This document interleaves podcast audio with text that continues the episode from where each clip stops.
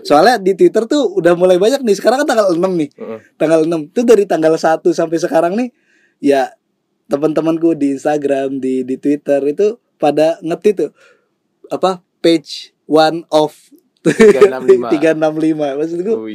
ya oke lah gitu Tapi, nah, tapi kan gini, kalau kita pakai sistem stoik ya, yang bisa kita perbaiki kan di internal. Nah, Eksternal kita, ya kita nggak bisa Iya, nggak iya. bisa iya iya untuk Bisa. memperbaiki Iya. eksternal. Iya, kan. Nah iya. makanya aku ngelihat MU itu internalnya emang manajemennya busuk. Van Dijk ya kan, itu di di apa namanya bukan winter yang botak kan yang kuncir kan? Bukan, Ya, Kuncir kan? Bukan, itu yang timnas. itu di winter loh. Di Iya. winter dan aku pernah menulis bahwa lingar gitu. lingar Panjik Lingard siapa sih? itu pemain siapa sih? ya linggar, linggar ya. lingar Ya kan aku pakai lidah Jawa, lingkar, apa-apa. Malang. nggak lidah Malang.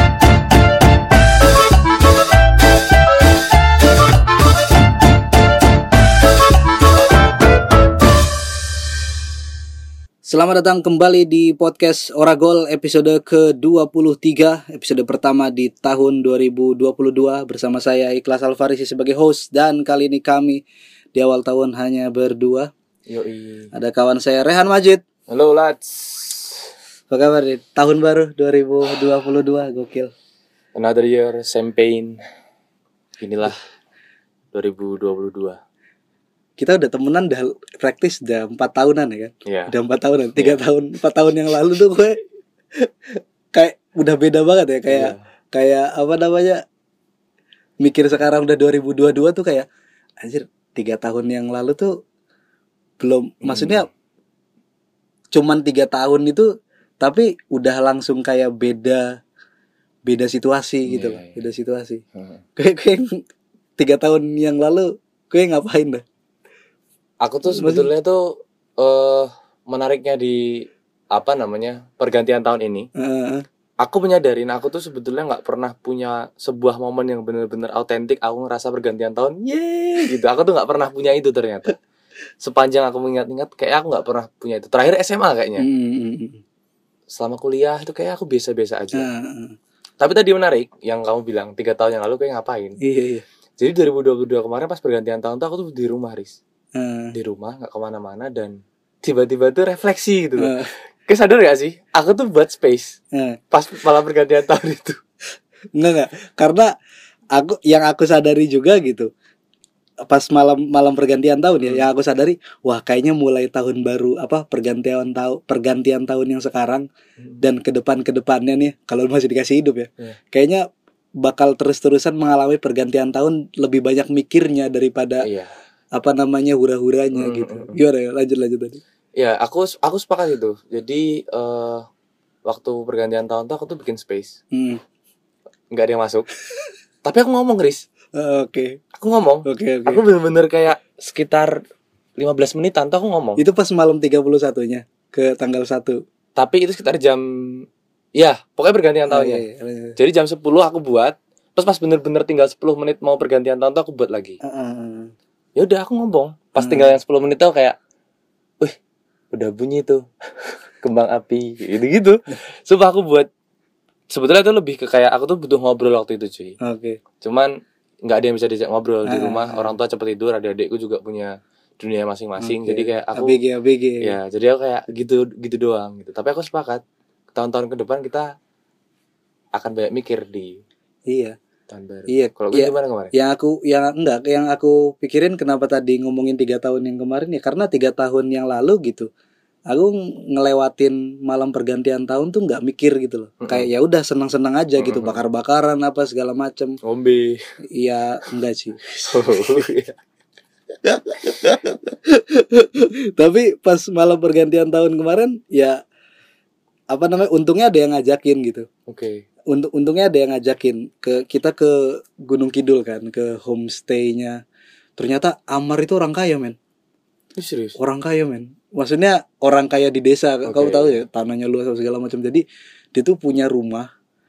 Ada rum ru- apa bukan rumah utamanya ya tapi rumah-rumah itu tuh diproyeksikan menjadi homestay para wisata para wisatawan gitu ya kan. Cuman karena belum jadi gitu kan baru keben apa baru ada bangunannya tapi kayak taman-taman fasilitas-fasilitas sekundernya belum jadi akhirnya ditinggalin sama dia gitu. Padahal kamarnya banyak. Oke. akhirnya kita di apa namanya ya tahun momen tahun baru tuh di situ gitu. Sepi belak kanan kiri tuh masih alas gitu gitu kayak wah aku mal apa namanya aku diajak ke sana terus ya mikirnya tuh apa namanya walaupun apa namanya bareng-bareng sama teman-teman gitu. Tapi aku terlalu sibuk sama pikiranku sendiri kayak mikir mikir Emang kalian nggak sharing-sharing ngobrol-ngobrol situ? sharing sharing Oh. pas malam pergantian tahunnya sharing cuman nggak sharing ke apa ranah pribadi. Kita Hmm. ngomongin radio buku bangsa tadi kita ngomongin radio buku nih habis ini. Nah karena apa namanya pas udah kayak wah apa namanya mikirin eh, berbagai macam hal gitu kan yang wah di berputar di dalam kepala. Kan malam-malam itu kan kita bakar-bakar kan bakar ayam gitu kan. Wah disponsorin sama si Amar lah. Sponsorin. Mau kondo berarti ke sana ya? ya modal bensin lah. Oh iya. modal bener bensin sama basa-basi. Ganti berapa nih? Rausha gitu gitu tapi kita nyiapin duit tetap Oh, gitu. Oke. kita nyiapin duit. Eh udah udah apa namanya udah muntuk tuh kayak Mar aku nanya Mar iki aduh karo tonggo toh? Bilang jauh dari tetangga toh jauh jauh. Aku ka- karena aku pengen merencanakan pas di momen apa pergantian tahun gitu. 0000 aku pengen bengok pengen teriak gitu. Pengen teriak. Eh pas-pasannya hujan. Dan hujan gede udah itu jadi aku bikin suaraku tuh hampir habis malam itu buat teriak-teriak tuang Serius? tot gitu. Bajingan gitu gitu. Tanpa apa namanya orang-orang tuh di di dalam rumah aku tuh di pintu samping. Jadi pintu samping tuh kayak ada teras kecil gitu loh. Tapi anak-anak tahu teras nggak? kecil. Tahunya apa namanya disangkanya aku lah marah beneran gitu loh. Hmm. marah ka- kayak punya masalah beneran gitu terus dilihat sama si Beril Riz kenapa Riz enggak enggak apa-apa Iya. Melepaskan iya ya. melepaskan tapi lega tapi lega, Lega. iya enak sih dan itu Eh, jadi Enggak tapi serius-serius. Itu melegakan ya gitu, Riz? bagiku melegakan Bagiku karena se apa itu bukan pertama kali aku lakukan Oke. sebelumnya kalau udah lagi memang apa namanya terlalu penuh gitu kan isi kepala isi hati mental dan jiwa itu udah ini aku kadang-kadang ya random aja pergi ke mana gitu ke Parangtritis motoran apa Sendiri. sendirian gitu pada Depok sendirian aja gitu beli kopi ngerokok selesai ngopi selesai ngerokok nyari tempat agak sepi teriak-teriak nggak jelas gitu gitulah untuk untuk cuman pengen apa sih Oh. namanya mengeluarkan emosi aja gitu Hmm. gitu karena nggak tahu ya gitu buat orang yang egonya lumayan besar kayak aku kan agak-agak sulit ya Hmm, gitu oke. apa-apa harus berdamai ini wah sulit men jadi itulah solusinya teriak aja yang penting kan nggak ngerogein orang Iya, lain kan iya, gitu iya. kan gitu eh apa ya? Ini tahun baru yang tahun tahun kemarin aku justru yang nggak ke mana-mana. Oh, tahun kemarin enggak ah nggak ke mana-mana.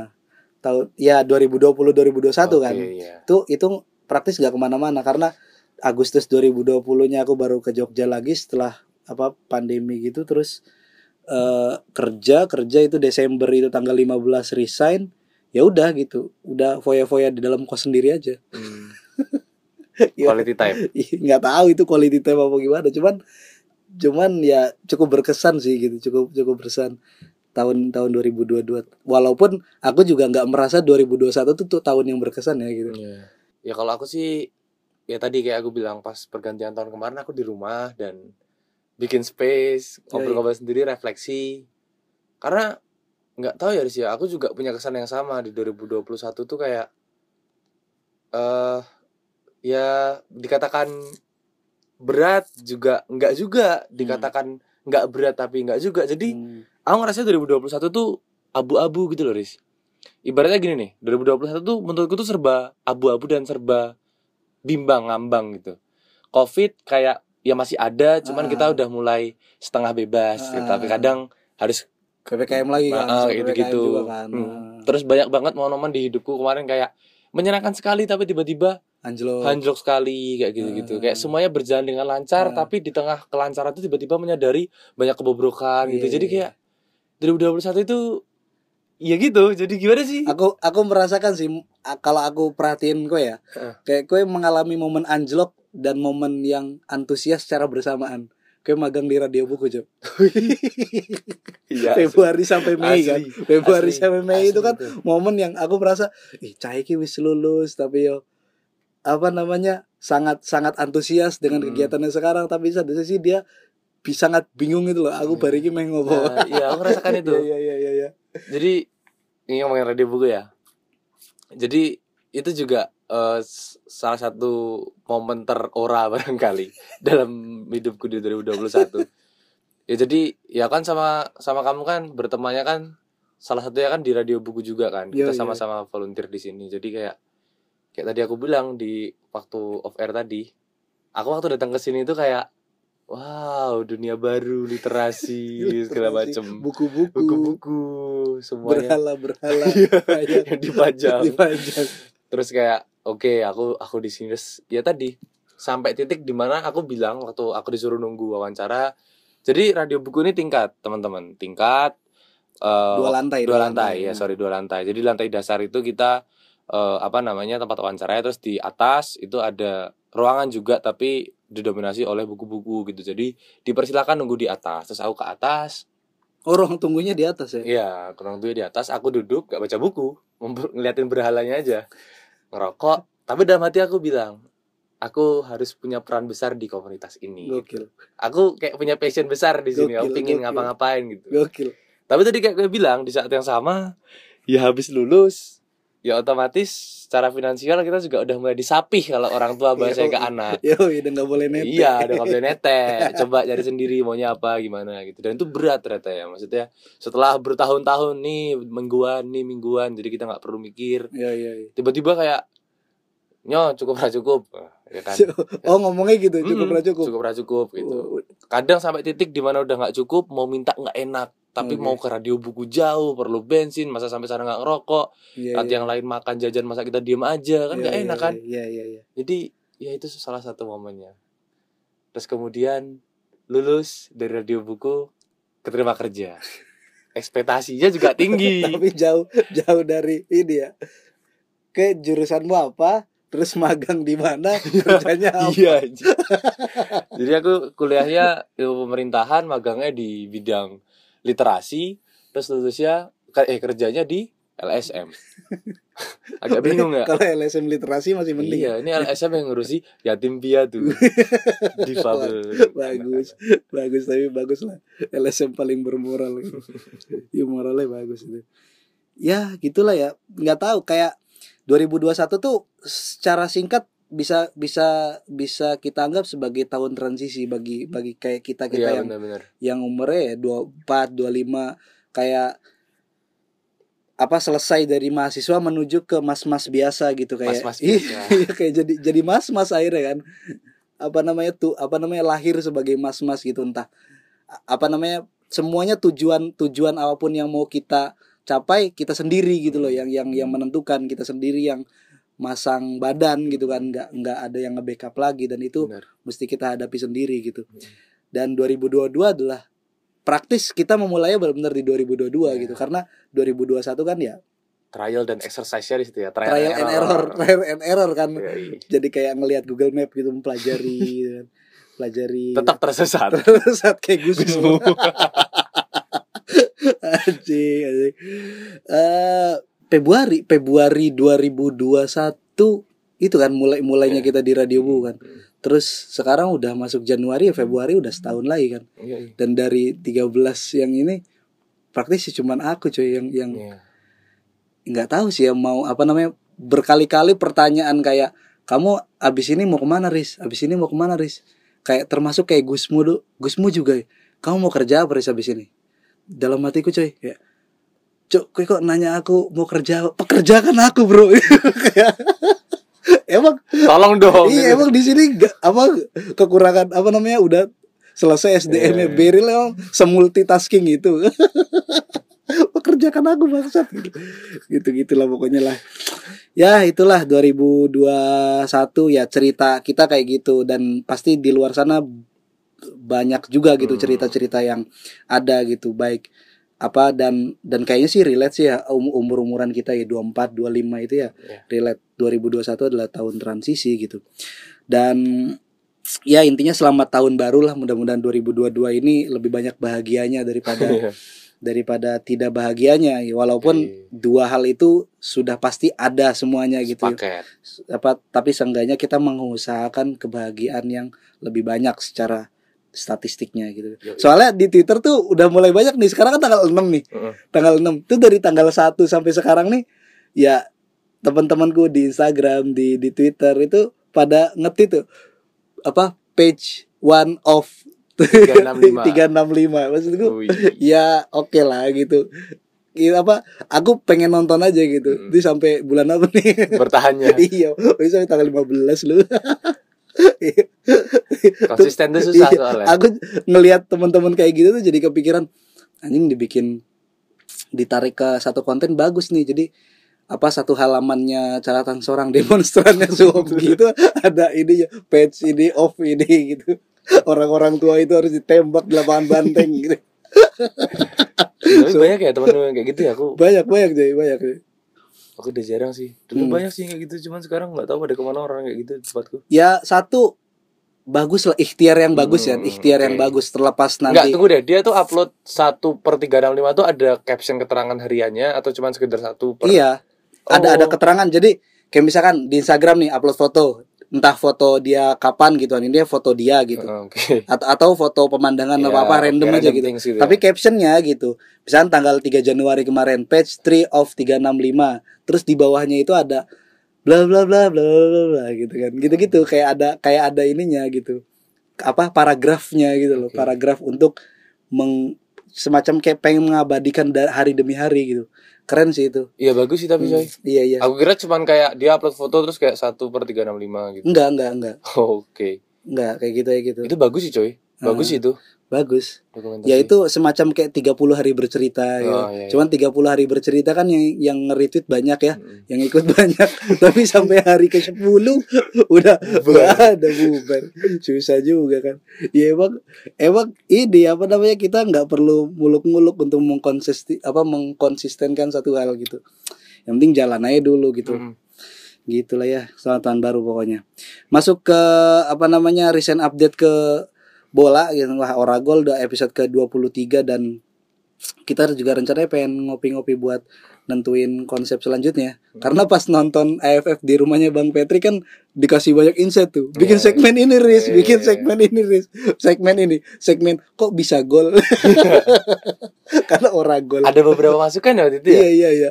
Iya. bikin segmen ini kata Bang Patrick yang penting gol. Yang penting gol. jadi kita Iya. ngulas kita ngulas gol-gol jatuh dari langit gitu. Tapi yang penting gol. yang penting gol gitu.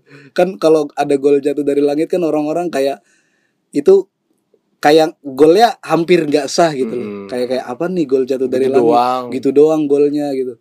Atau gol hasil gosok voucher gitu kan penalti gitu kan. Gitu-gitu ya. Nanti dipikirin lah sama teman-teman ini. Kita langsung ke update-nya aja ya. Eh di hari kita rekaman ini udah hampir seminggu. Seminggu lebih. Apa apa belum sih? Eh udah seminggu ya. Ini kan tanggal 6 ya.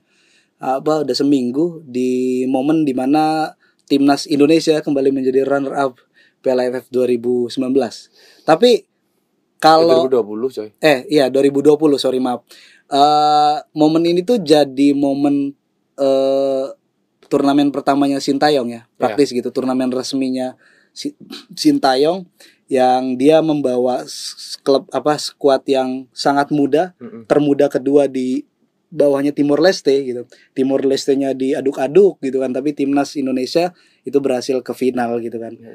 eh aku nggak tahu, aku aku sih ngerasain dari 2010, 2016, 2000 sekarang 2020 tiga final yang berhasil aku tonton gitu kan semasa hidupku. Final kali ini tuh kalah tapi nggak bikin sedih coy Iya. nggak bikin sedih tapi bikin bikin semangat gitu Iya. nggak tahu Ada apa. optimisme Eh, ya. gimana kue Hanum Sama sih, aku juga menyaksikan dua final sebelumnya. Ah. Sebelum yang kemarin itu. Hmm. Eh, kalau final final yang sekarang ini aku nggak tahu ya. Aku tuh kemarin itu sempat lihat di eh, Instagram atau Twitter. Aku lupa siapa juga yang upload. Jadi terlepas dari ada perkembangan dari anak-anak muda di timnas kita yang mampu menampilkan permainan yang bagus gitu ya. Ah. Sampai kita excited nonton, Ah. terus kita bisa, oh mereka masih muda, mereka eh, punya pengalaman yang bagus untuk turnamen selanjutnya. Tapi terlepas dari semua itu dia media apa ya aku lupa. Dia tuh bilang salah satu yang membuat kita optimis di ngelihat timnas itu cara komunikasinya Sintayong. Iya, sebagai seorang pelatih ya. Ya, jadi komunikasi di publik kayak leg kedua gitu. Nah, leg kedua. Kita mau menang gitu. Kita pasti menang di leg kedua.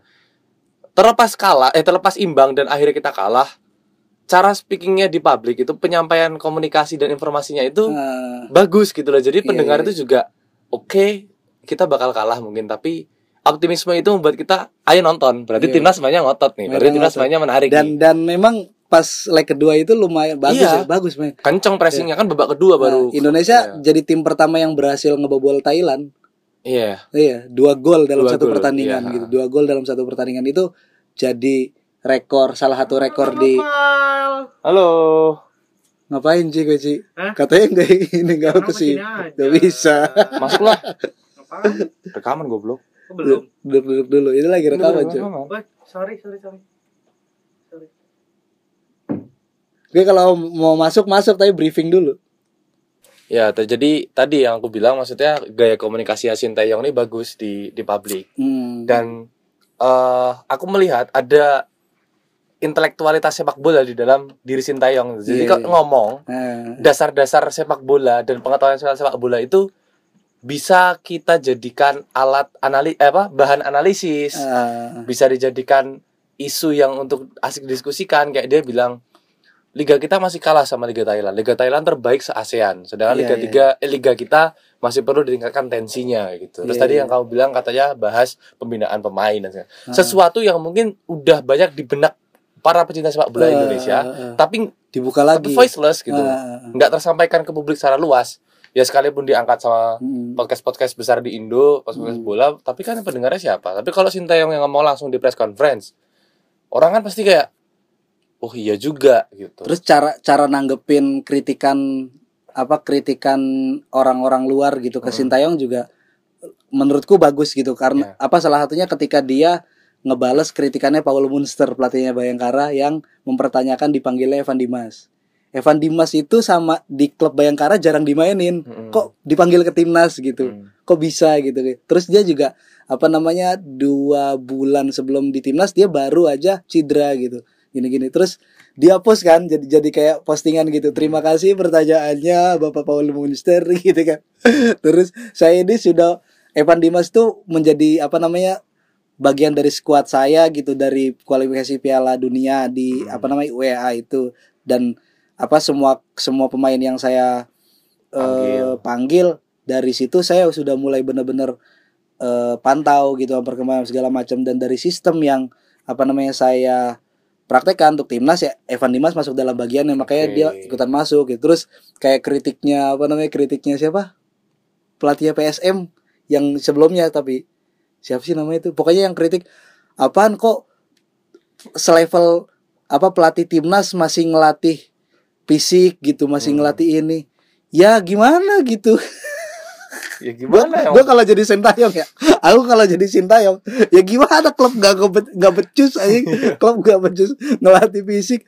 Tapi dijawabnya dengan elegan gitu loh. Oke. menurut saya gitu ketangguhan fisik jadi hal yang terpenting bagi seorang pemain gitu kan. Karena memainkan sepak bola modern ya apa ketangguhan fisik jadi hal yang penting gitu gitu jadi apa namanya apa ngomongannya elegan dan dia tuh sekarang kayaknya punya admin deh punya admin buat apa namanya membuat apa post demi post gitu tiap harinya gitu loh kegiatannya apa segala macam kayak per hari ini post jadi karantina di hotel itu mereka nggak nggak santai-santai gitu tetap ngevaluasi apa Oke. ngevaluasi kemarin? iya apa turnamen AFF terus persiapan untuk FIFA Match Day lawan Brunei sama Bangladesh nanti Iya.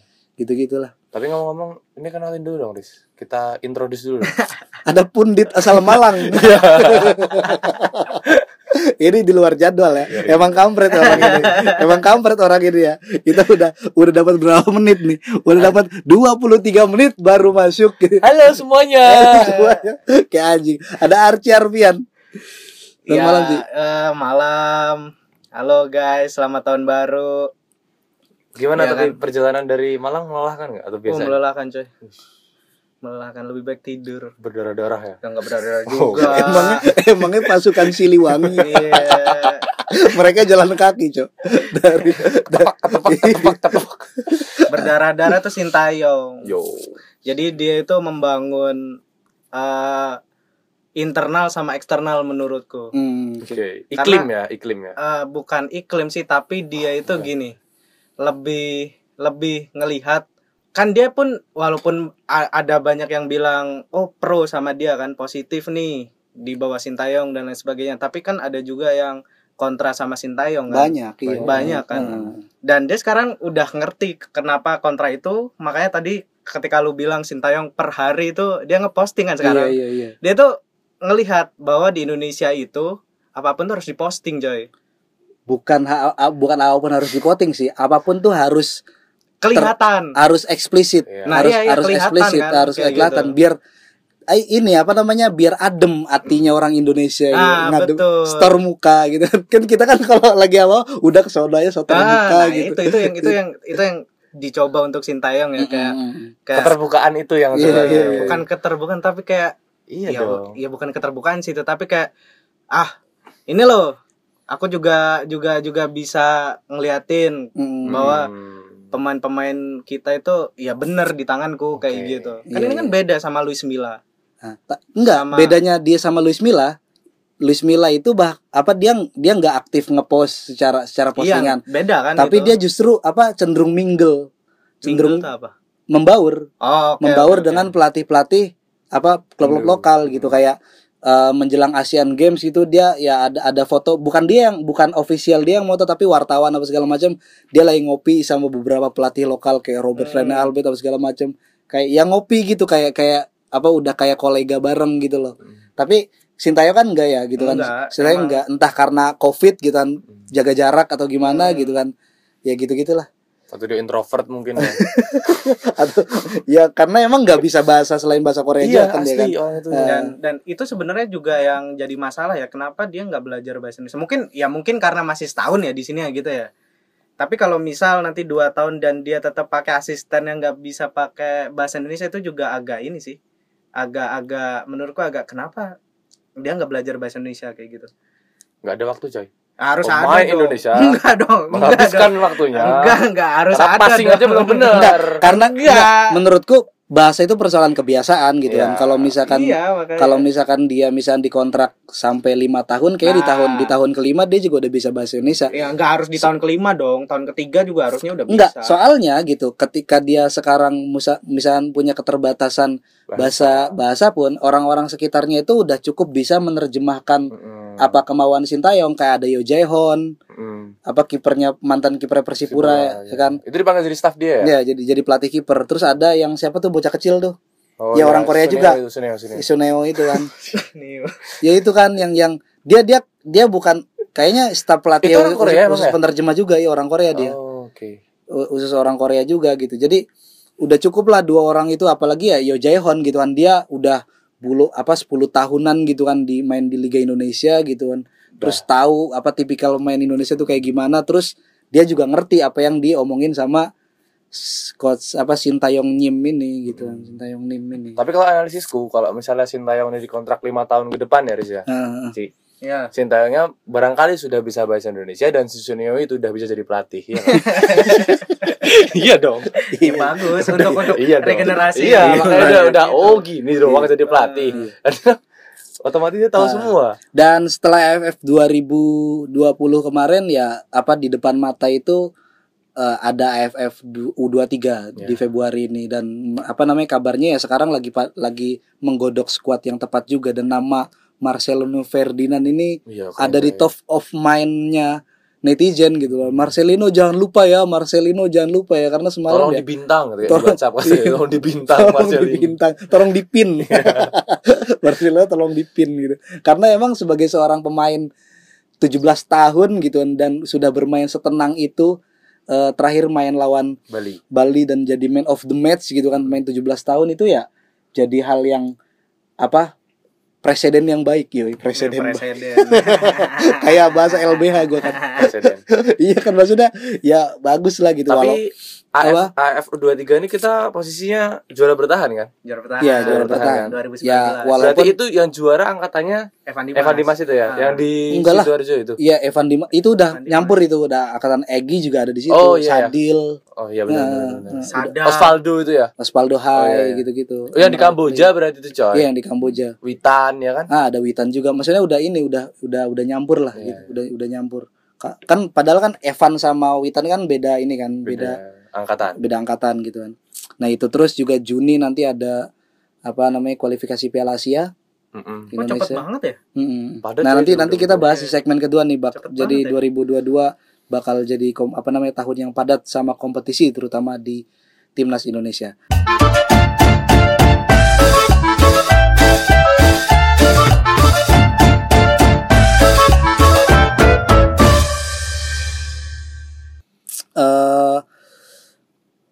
MU kalah, kembali kalah dan Enggak kembali Enggak. kalah, baru sekali Oh, kalah. kita aja. kita di tahun 2022 ya. Enggak di bawah Ragnik.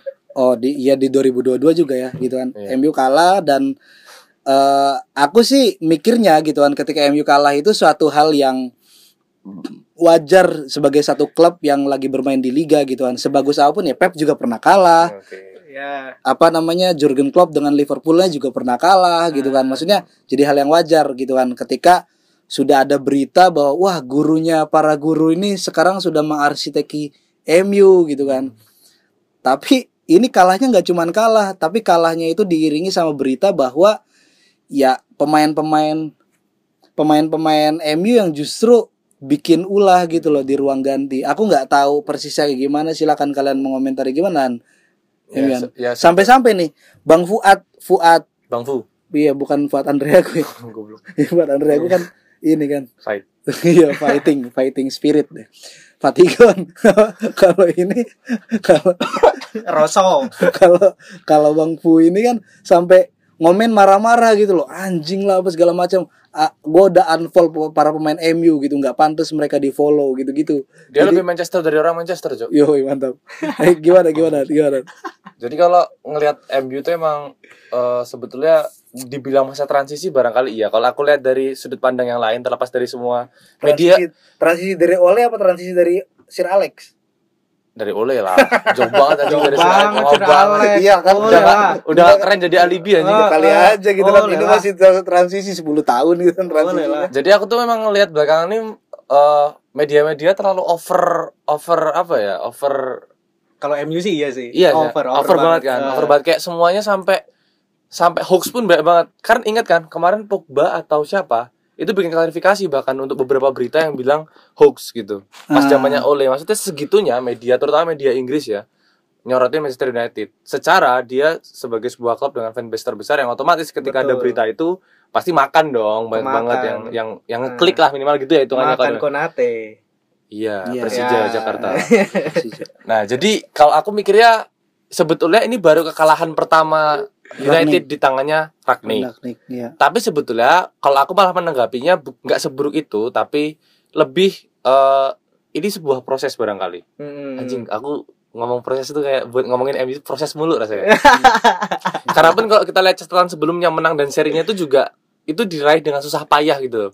Dan dengan skema yang bukan 4-2-2-2 yang Ah. seperti yang dibayangkan oleh orang ketika melihat Ragnik atau melihat Tuchel atau melihat Klopp yang notabene muridnya gitu. Belum serapi itu. Cuman ya aku nggak tahu ya berita-berita itu barangkali benar atau barangkali salah, tapi yang jelas memang aku ngerasa eh, squad MU ini perlu penyegaran lagi. Walaupun ada yang bilang Ole itu udah mencoba membangun klub. Eh, membangun tim maksudnya. Hmm. Tapi menurutku ya tim ini harus tetap terus menerus coba dirubah. Ada beberapa pemain yang aku rasa nggak kompatibel aja dan aku nggak tahu ya. Ada satu kata-kata yang selalu keluar dari legend-legendnya United ya.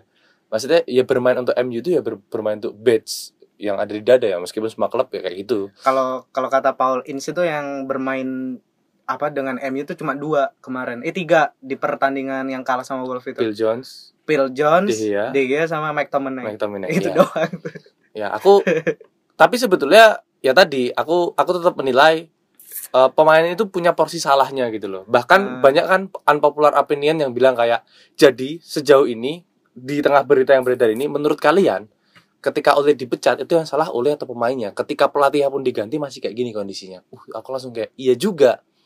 Bener juga gitu aku mikir. Pemain-pemain itu harus tunduk, patuh dan ya menghormati gaya main si pelatih gitu. Iya iya iya. Ya aku aku ngerasanya ketika masih ada pemain yang mm, apa yang dikirimin si Archie itu eh, minta keluar dari klub atau merasa nggak nyaman dengan gaya kepelatihan itu Itu hoax apa bukan? Yang 11 pemain itu pengen pada keluar kebanyakan dari- sih itu sebenarnya. Iya, kebanyakan sih kebanyakan Iya. kebanyakan, kebany- Bener. Kal- kalau menurutku Bener, pasti ada sih.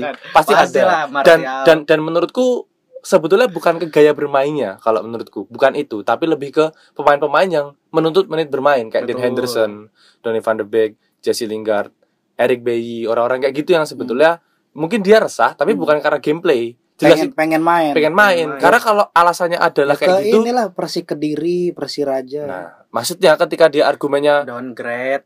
Iya kan menit lanjutin ini lu tuh ya maksudnya ke- ketika argumen yang dia bangun pengen keluar dari MU karena nggak sesuai dengan gaya bermainnya atau apa bahasanya nggak nyaman dengan cara melatihnya itu jelas nggak profesional itu kayak Romelu Lukaku dong yang Iya, iya, dia iya. komplain di Nah, ya Oh, sebelum Chelsea. ke Romelu Lukaku nih, Ci. Gue pengen ketawa-ketawa aja.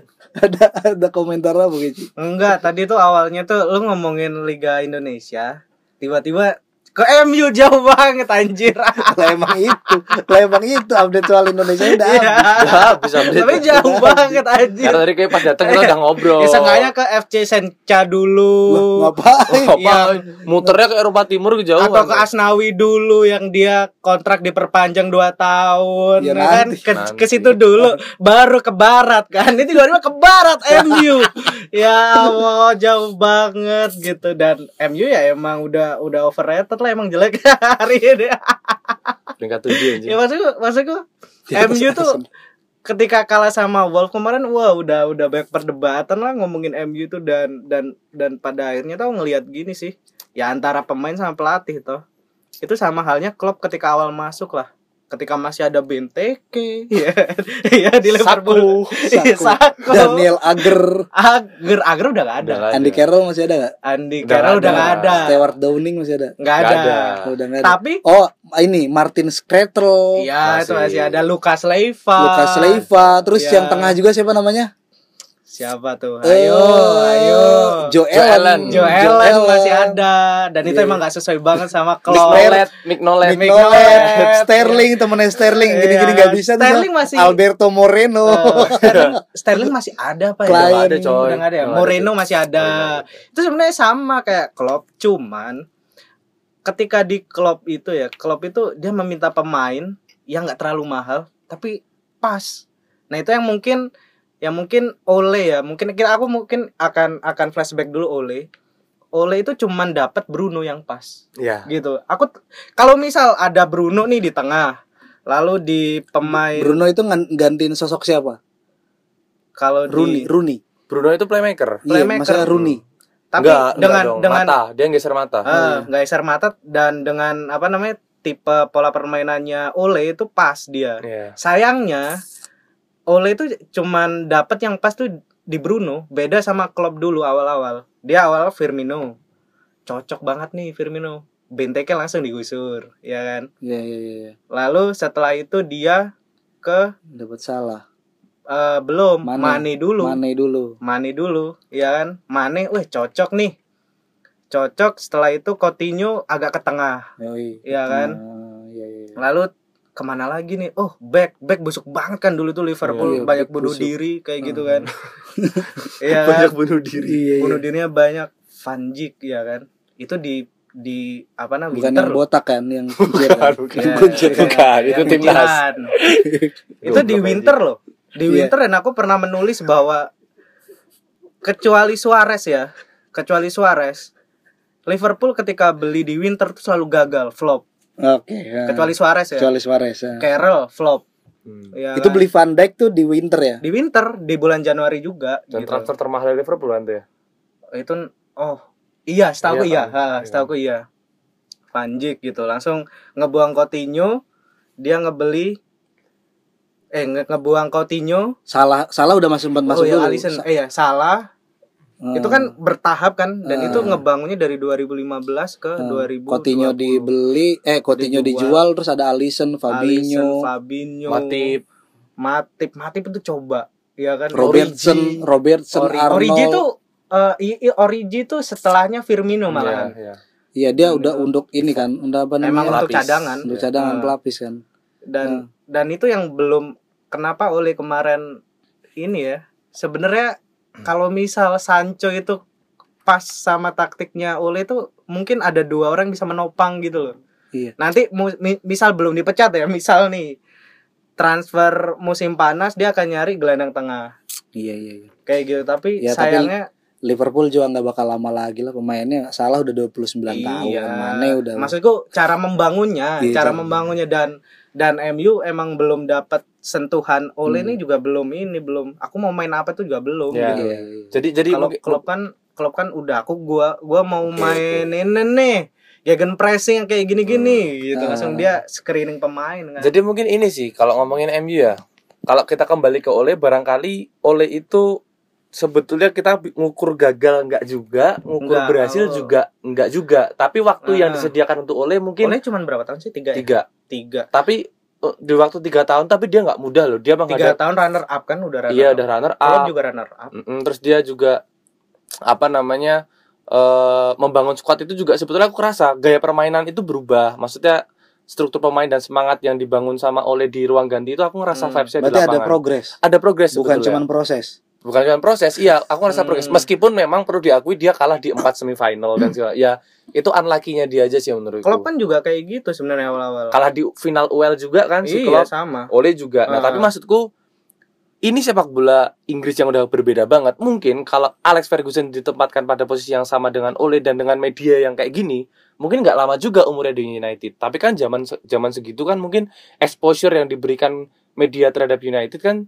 mungkin udah apa namanya dengan effort tinggi tapi Hmm. kan belum mengglobal ya. Maksudnya paling So- soalnya tadi yang apa namanya yang yang kue bilang apa namanya MU di grup kan dia membela dengan the greatest of English football yang sekarang nggak great great amat kan. Yang yang nggak great great amat. Tapi apa nama apa namanya label itu tuh masih tersemat sampai ya, sekarang.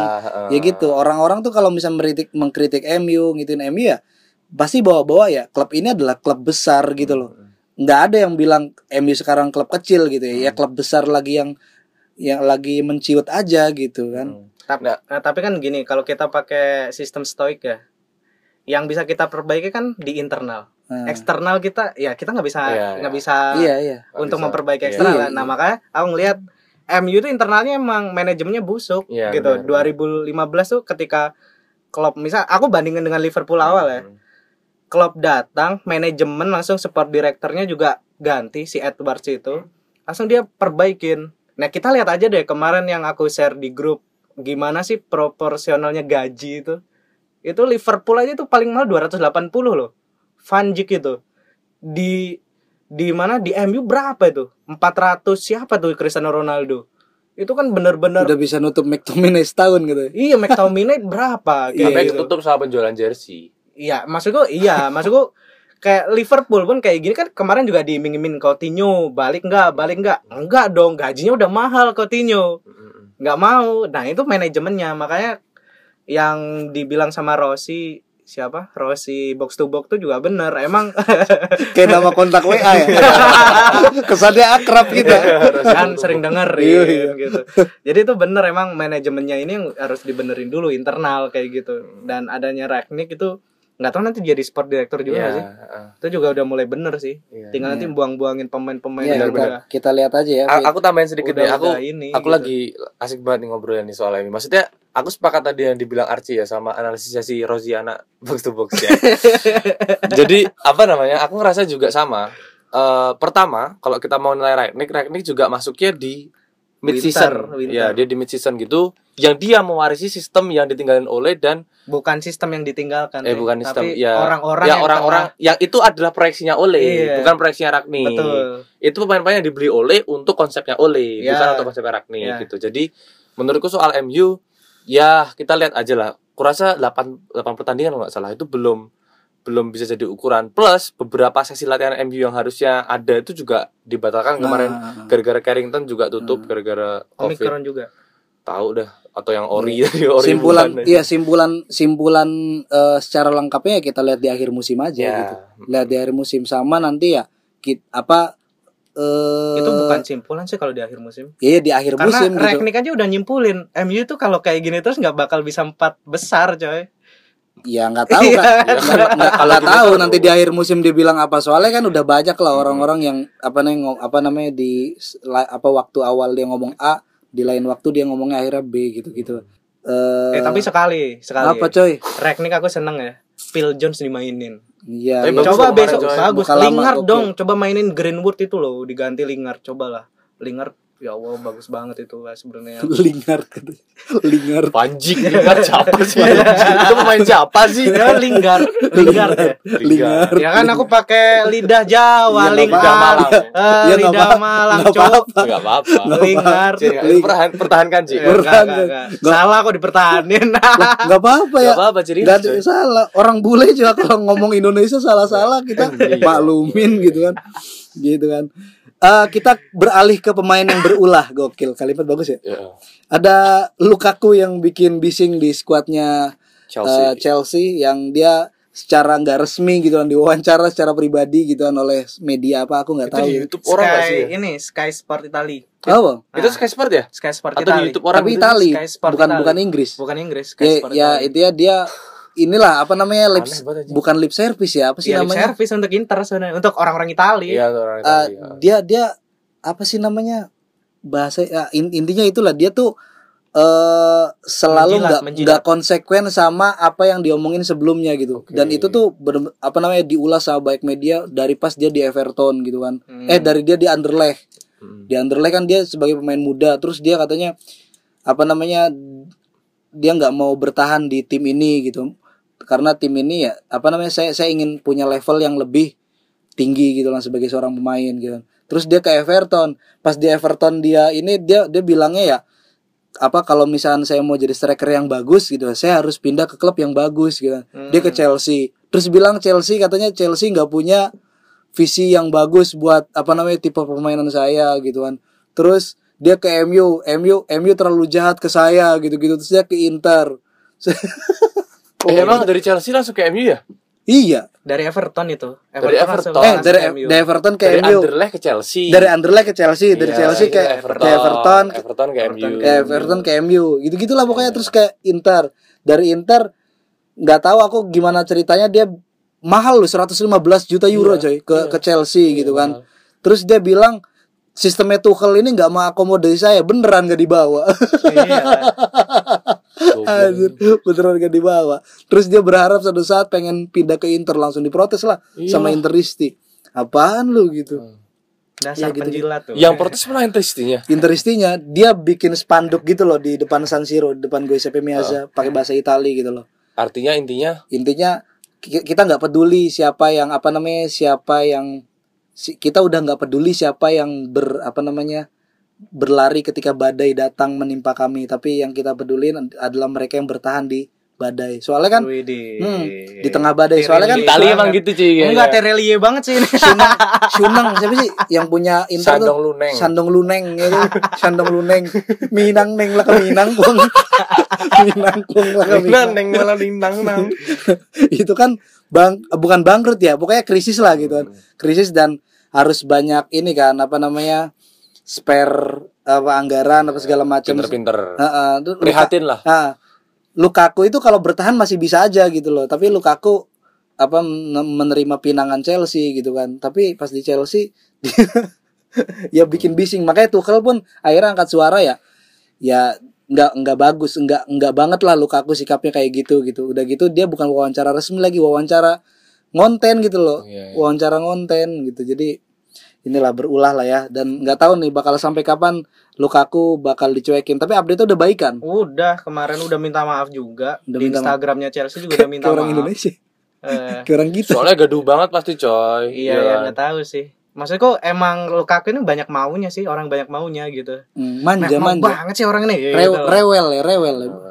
rewelnya ini ada hal positif sama negatifnya. Mungkin negatif yang lu bilangin tapi ada yang positif rewelnya adalah ketika kayak misal eh Vincent Company Nah, Kom company, Hmm. company. nggak apa-apa, nggak apa. oke. Se- Sekeluarnya, sekeluarnya. Vincent aja. company kena rasis, dia rewel loh.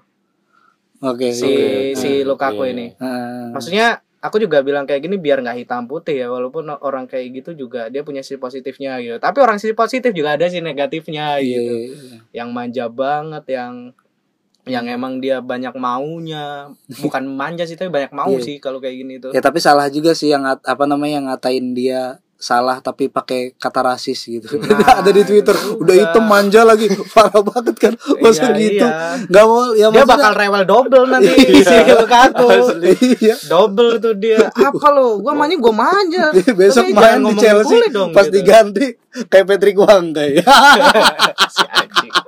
Enggak kalau Ah, Lukaku nggak enggak ya? karena dia orang-orang pinter loh dia tuh Lukaku iya, cerdas lah cerdas gitu. dia, dia Tapi aku dia kalau tunggu deh, tunggu deh. Sorry sorry motong. Ini, ini dari konteks. Kalau ingat Patrick Mangga itu aku ingat video yang anak kecil kemarin di situ. Iya gak sih? Exhibit ya. Anak exhibit ya. Asik kenapa dari Lukaku jadi ke sono ya. Udahlah. Ah Lukaku. Ya kita pernah kita kita kita penasaran nih bakal sampai kapan eh, ini mereda dan Lukaku akhirnya berhasil di eh, Kema- kembalikan ke sistem itu Udah kalau kok gitu. kemarin itu pas Lawan Tottenham main semifinal, Tottenham tuh dia udah jadi line up Tapi Starting, main- starting. Iya, starting Oh, dia starting. Heeh. Oh, ya udah. udah berarti. main kan Tapi yang jelas satu hal sih, aku nggak tahu ya dia udah main apa belum. Tapi yang jelas maksudnya maksudnya semifinal Piala Carabao udah, udah, itu udah, udah main main, kan udah main. aku ngeliat kemarin tuh sebelum main ada kok dia starting up Nah. gitu bukan Timo Werner malahan Ah, terlepas dari semua itu tapi yang jelas hal kayak gini tuh ngancem karir banget gak sih cuy? Iya kan? betul Itu ngancem itu membahayakan karir dia sendiri maksudnya. Iya, dia main api. Iya. Main api. Main api di kejenggotnya gitu kan di jenggotan tuh. Nggak? kayak kayak Ozil kan Hmm. Makanya yang menarik eh, mengulas ini tuh ah, kalian udah buka ini belum? Emailnya Oragul yang kirimannya dari oke. Flankers. Dari flanker ya. Ya aku lihat tulisannya si Rossi itu kan dia bilang si Rossi si Rossi itu ya Rossi itu kalau kalian mau Rossi. mau lihat orang yang tidak Oh, tahu tempat dan tidak tahu diri, ya itu ada di diri Lukaku gitu. Ya dia bilang ya nggak tahu diri orang kayak gini. Iya, iya, iya. Ya iya. gitu maksudnya wah kacau sih. Itu tapi kalau nggak tahu diri juga sebenarnya gini juga sih lu apa namanya si Tahel itu apa namanya Ya, apa, nggak apa. Tahel itu Takel. I- i- i- Iya. gimana namanya Iya. Tuchel Tukel. eh, Tuchel sul nama sulit banget Iya, aja. nggak apa-apa. pakai lidah Malang aja udah. Nggak apa-apa, iya. Tuchel itu juga pernah beberapa kali banter sama pemain bintang kan kayak Reus dia banter sama Hmm. Neymar dia banter Emang iya ya? iya Hmm. langsung kenapa sebenarnya kan dia mau dipecat sama PSG tapi dia kan mengundurkan diri karena dia nggak bisa Ya, ya, ya. ngondisiin pemain bintang di PSG Oke. itu kayak gitu dan ini hal yang sama juga ke Pochettino kayak gitu ya sekarang di Chelsea sama Lukaku gitu Oke. Iya, iya. Dan- konsekuensi ini yang apa namanya ngawal tim besar ya maksudnya tim Iya, besar iya. dalam artian komposisinya itu banyak pemain-pemain bintang yang Hmm.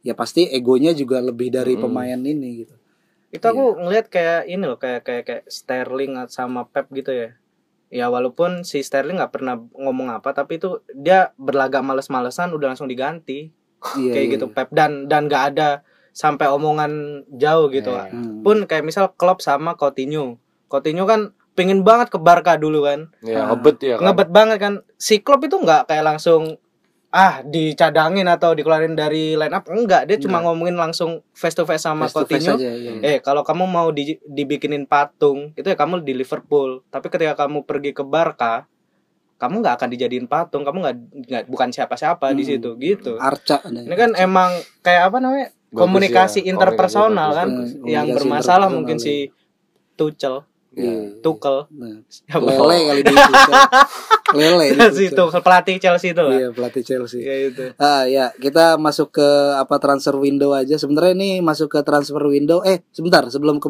tra- apa transfer window ini ada update Messi kena Covid. Jadi berita, coy.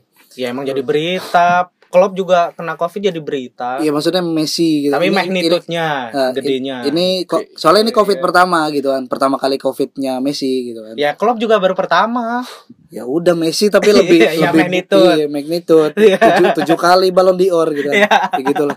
Tapi pas Messi Covid itu yang yang malah banyak viral sih.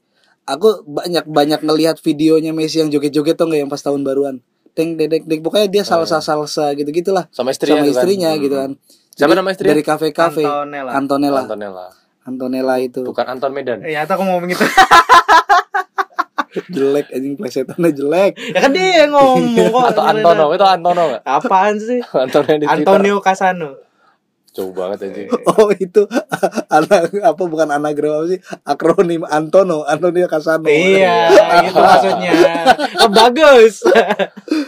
Ada eh, per 5 Januari kemarin kan eh, winter transfer sudah dibuka trans apa jendela transfer di musim dingin sudah dibuka dan eh, belum ada fix apa namanya transfer yang benar-benar jadi bombastis gitu ya atau yang yang yang update juga gitu. Udah ada cuy. Udah ada tapi pemain-pemain level ini Eh, Ferran Torres emang Re- Ferran gitu. Torres kan ini apa namanya sebelum ini Ramdan Enggak, enggak, Lestalu. enggak, enggak. Ramdan Lestalu ke Iya. PSS. Irfan Oh. Irfan Jaya. Ah. ke Bali United. Iya. Beto juga habis Iya. juara langsung makan Konate. Madura. Eh, enggak gitu. Emang Ferran Torres tuh levelnya kayak gimana sih? Enggak, Ferran Torres itu masuknya enggak ke jendela transfer musim dingin. Oh, emang? Sebelum kan. Ya kan tapi tetap Tapi di kan ya iya emang sebelum tuh Tapi kan Prosesnya Eh, sebelum, legonya iya, tapi sebelum, tetap- fiksasinya tapi di- Ferran Torres udah Iya. dibacain kemarin apa episode Iya sebelumnya. oke, ya Iya. udah sekarang Kieran Trip Tippers. Nah itu, Siapa? Eh, Newcastle berhasil Siapa? memulangkan Kieran Trippier ya Trippier, dari Trippier, Atletico Madrid. Ya bener kan? Trippiers. Trippier. Iya deh, Kieran iya deh. Trippier. udah kita kita sepakatin Trippier ya. Ya, Lah emang Kier- Kieran Trippier baca dibacanya. Eh, yang agak English English dikit. Emang sih, emang itu English. Iya udah. Ya udah iya. lanjut itu kenapa Trippier. itu anjing. Jadi ini adalah pembelian pertama Newcastle menggunakan uang Saudi ya. Yoi. Itu kayak ada Dirham. apa ada ke- keuntungan. Dirham kan? Iya, di- Dinar. Dinar, dinar candy. Candy permen. uang Arab Saudi gitu. Iya. Public Investment Fund ya, PIF. Iya iya, PIF itu. Jadi Kieran Trippier dan rencananya juga mau eh, menggait Dembele setelah anjing nih Dembele juga anjing nih. Kenapa? Kayak, Kenapa? kayak Kenapa? Lukaku, Lukaku kurus sih. kayak ya dia juga itu apa namanya? Tapi panjang. Asu narsis lu. Enggak itu loh maksudnya itu statement itu kacau banget. Iya, Emang itu. orang itu nggak boleh manja kan gitu Iya kan? kan nggak boleh, eh boleh aja. Boleh gitu. aja kan? Boleh aja, cuman Dembele bukan manja deh. Enggak enggak, maksudnya anjingku bukan bukan nggak manja, tapi dia nggak menghormati situasi Barca yang semua orang udah tahu gitu, lagi carut marut, lagi hampir tenggelam, karam gituan kapalnya, terus eh, dikasih opsi perpanjangan kontrak gitu kan dengan Safi memberikan kepercayaan penuh gitu kan, apa namanya selama Dembele fit ya dia bakal tetap dapat tempat di starting line up, tapi dengan ya persyaratan ada apa namanya klausul yang dipotong gajinya gitu. Nah di pihak Dembelenya awalnya Dembelenya udah setuju ya, cuman orang-orang sengkuni sengkuni di belakang Dembelenya ini itu malah ojo. nggak nggak mau dan dan apa namanya meremehkan Barca gitu loh, meremehkan Barca. Jadi akhirnya deadlock dan pada akhirnya Dembele ya dipastikan Free keluar ya keluar Free agent tapi enggak enggak free agent. Soalnya kontraknya sampai Juni kan? Oke. kalau sampai Juni. Maksudnya dia diprediksi bakal bakal pindah di jendela transfer musim dingin ini. Dan kabarnya Newcastle yang bakal siap Hmm. ngegaet gitu kan jasa pemain Prancis ini. Mungkin Dembele ini generasi sandwich, coy. Jadi dia harus menghidupi adik-adiknya, menghidupi orang tuanya. Hmm, tetangganya Ya, iya, makanya kalau gaji dipotong ya dia bakal pikir dong, aduh gimana nih gitu saudara-saudara. baru nikah juga kan Oh iya, kan, makanya kan.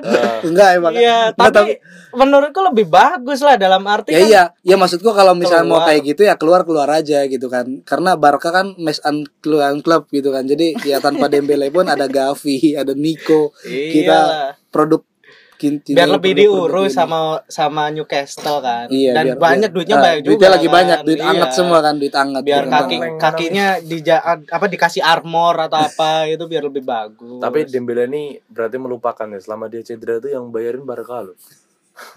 Iya, Ya BPJS kan -nya emang asuransi kan. BPJS yang eh, bayar urusin loh dia giliran udah sehat dikit lo gajulan. Eh, ini ini tipis loh. Lu bilang kalau misal ada pemain gak diurus, juga lu teriak-teriak wah nggak diurus nih Iya, cedera. karena dia aku gitu. bilang konteksnya ini orang lupa apa ya dia udah diopeni Barca masih dikasih kepercayaan dijanjikan menit bermain Barca kan dokternya asli semua.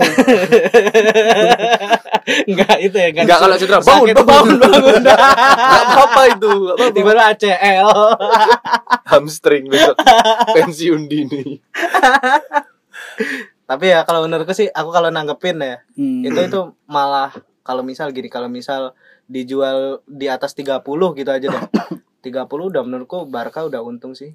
Dalam Iya, arti iya, iya. nanti Hmm. bisa akan eh, cari yang lain kan. Ah, karena Barca juga lagi ngumpulin receh-receh, Iya betul. receh-receh karena eh, apa namanya agennya Halan itu sekarang sudah apa namanya udah punya kedekatan aktif gitu loh sama pihak Barca dan dan apa namanya eh Fabrizio Romano itu di jendela eh, bilang di transfer musim dingin ini kedatangan Halan dari Dortmund ke Ba- Barca itu bukan hal yang nggak mungkin gitu loh. Udah-udah punya sinyal kayak gitu. Terus juga di samping Halan yang semakin dekat ke Barca, Mbappe juga kabarnya ya sudah siap diboyong ke Real Madrid gitu kan. Di samping Madrid juga udah pengen kontan, udah berapa maunya gitu. Sah gitu Mbappe saya bawa gitu-gitu. Jadi banyak yang yang kalau misalkan dua pemain ini kejadian, yang satu ke Madrid, yang satu ke Barca, ini bakal dibilang sebagai new era dari El Clasico gitu kan. Oke. New era dari El Clasico. Ada Halan, ada Minang Mbappe. gitu gitu tapi ya nggak tahu ya gitu kan nggak tahu lah. Maksudnya El Clasico adalah El Clasico gitu kan. Cuman ya bumbunya kan harus ada gitu. Bumbunya adalah pemain bintang gitu kan. Kayak gitu. Ferran Torres emang nggak bintang. Ferran Torres bintang Bintang kan? tujuh. Bintang tujuh. Nggak tahu gitu kan Puyer. tapi tapi gini loh Bintang pemain yang selalu dari City ke Barca tuh kayak kayak aib. Eh, bukan aib sih tapi kayak buangan buangan. bukan buangan tapi kayak selalu apa ya? Aguero ditransfer ke Barca langsung cedera Ya, nggak baru, main. baru Aguero. Ferran Torres covid. Ya kan lang- nggak belum main. Gak bisa masuk line up juga kan? Iya. iya sih. Iya sih. Eh tahu nggak kemarin pas law pas lawan Lekares eh, bukan Le, bukan Le, bukan Leganes apa pokoknya tim apa tim kasta kedua atau ketiganya apa Spanyol gitu kan Copa del Rey gitu Barca. Dani Alves starting line up. Jadi jadi main di mana coba? Jadi sayap kanan. Jadi winger sayap kanan. Gokil. Berarti Des yang ini ya fullback? Enggak Des belum main. Oh, belum main. iya. Kenapa? ah Itu cedera ya? nggak tahu pemain apa pemain ini Lapis pemain Barca B kebanyakan yang Hmm, dimainin lapis tuh. dua. Kayak kayak anak bocah-bocah umur 18 19 tahun main di sa- di satu mamang-mamang gitu lah. 39. pemain cabutan gitu loh. Cabutan. yang bilang hayo Woi, hayo, eh lari wah. Kayak Rooney dulu. iya gitulah pokoknya Iya. Eh, terus ya tadi gitu kan belum ada apa namanya belum ada info yang fix gitu kan dari mana ke mana gitu kan Eh, i- di Eropa ya cuman Mbappe sama Haaland doang yang yang lagi santer-santer untuk Coutinho juga katanya Ini. mau keluar. ya Copa Villa. eh, Coutinho terus kalau di Barca ya Coutinho, Umtiti itu mah Iya. emang dari awal musim lagi dilelang-lelangin gitu. Lagi dilelang ya, ya yang laris laris lenglet pokoknya gitulah. Lagi dilelang bahkan sekarang kabarnya eh Pique gitu kan. Oh iya. Dia dia sendiri yang ngomong kalau misalnya ada tim yang berminat untuk memboyong saya gitu kan. Saya nentuin harganya sendiri gitu. Saya nentuin harganya sendiri karena ya dan apa namanya harga itu saya lihat untuk ya pokoknya untuk Barca gitu. Gimana caranya nutup sebelah sininya keuangan Barca gitu Wah, gitu. aku tahu sih Pique harus ke mana. Ke mana? Rans, Cilegon. Lah biar Sakira masuk ke ini. Ya nggak ada tempat TV. produksi Rans itu eh, Samina Mina ya kan. Jadi brand ambassador. Eh, ya nanti Rans. Mbak Gigi ke inilah. Apalagi udah promosi Liga 1 Rans. Ya kan. Ya ya gitulah. Ayo Pique Eh Liga 1. apalagi ya update transfernya ya yang nggak ada sih up- update transfernya cuman eh Ya masih awal kan. masih awal dan juga balik kalau kita balik lagi ke Indonesia gitu Eh, kemarin kan Liga 2 baru selesai ya dan apa namanya uniknya adalah Liga 2 itu selesai di tengah Musim. eh, di tengah musim Liga 1 gitu. Ya, jadi Series kedua. eh, tim-tim yang udah juara dan udah berhasil lolos ke Liga 1 gitu. Kayak Rans, Dewa, Persis. Itu punya spare waktu yang lumayan panjang gitu loh untuk mempersiapkan dirinya ke musim depan gitu. Dan makanya pemainnya baik apa banyak yang magang juga gitu. Eh bukan yang magang banyak yang pindah. Karena ya praktis selama setahun ini nggak ada pertandingan mereka kan cuman kayak latihan-latihan doang gajinya juga nggak tahu gitu kan kita kan tahu lah sistem kontrak yang ada di di apa Liga Indonesia kayak Searchingnya gimana sampai sepak bola ya. searchingnya gitu kan gitu gitu kan terus ya Kenapa ini ya nggak main ke Liga Futsal aja ya? Liga futsal lagi lagi mau Ya kan mulai. bisa coy. Dia Ya kan kan dia kan statusnya pemain sepak bola. Ya kan sepak bola futsal. Beda. Beda, beda ada lisensinya, coy. Futsalnya nanti juga akan ini sampai ke Liga 1 selesai, futsal juga selesai. Karena kan baru dimulai nih futsal. Iya, tapi nggak bisa Beto Gonçalves main di Famos Mataram. nggak bisa. Ronaldinho bisa. Ronaldinho Kan kan laga dulu, amal, gitu. udah pensiun dulu. juga. Ya cobalah kali-kali aja Atur aja. futsal Atur. ke steel Mini soccer. Black Steel, Black Manokwari. Black Steel, Manokwari, Manokwari, juara bertahan. Famos Mataram. Famos Ata juga punya. Apa tuh? Ata itu nama apa ya klubnya? Ada lah pokoknya itu. Ahi, ahi. Enggak enggak ada kok pendekar apa gitu. Iya, iya. Pendekar Iya, futsal. ada kok. Ata pendekar. juga invest di futsal Ata. Ya udahlah, ini Kembali udah pakai tiket-tiket kepala Iya, gitu. Naruto. ini udah sejam juga kan. Pada intinya ya selamat tahun baru 2022 dan selamat menyambut tahun yang kalau di sepak bola itu tahun yang cukup padat yang isinya lumayan banyak kompetisi gitu kan ada eh, Piala AFF 2023, ada kualifikasi Piala Dunia dan Piala Dunia juga nanti di November. Tapi sebelum November di Juni itu ada eh, kualifikasi Piala Asia. Asia. Piala Afrika juga nih. Piala Afrika juga sekarang lagi jalan dan setelah Piala Dunia itu nanti ada ajang pembalasan. Apa tuh? AFF 2022 ada lagi. Yo. Oh iya. Yoi. AFF. Cepet banget. Jadi 2022 dirapel kan 2020 kan dipospon kan. Oh, Covid. 2021. Tapi kan karena AFF tuh akhir tahun jadi kan mepet ke 2022 kan gitu. Oh, oke. Jadi 2022 ini juga nanti bakal ada lagi AFF 2022 gitu kan. Senior. Hmm. Senior dan ini bakal ditunggu-tunggu. Aku sih cenderung nggak nggak terlalu Expect besar ya. apa namanya nggak terlalu menghiraukan eh AFF 23 karena ya juara pun yang nggak dihitung gitu loh. Dihitung sebagai pembinaan gitu loh, bukan sebagai prestasi eh, prestasi resmi dari sebuah timnas di satu negara. Gitu-gitulah. Ya, Kalau tunggu dulu eh, sebelum apa ditutup. belum puas udah sejam kalau kalau misal banyak kompetisi di tahun ini nih, nanti Oragul juga banyak ini enggak banyak banyak ngejadwalin podcast gak nih? Banyak banget nih. Seminggu tujuh kali. Minggu tujuh kali tiap hari anjir. Pakai Zoom. Ya gitulah pokoknya. Besok ini ceritanya kita pengen ngopi, pengen ngobrolin perusahaan. Yo, mantap. Sampai jumpa di episode selanjutnya. Aloha.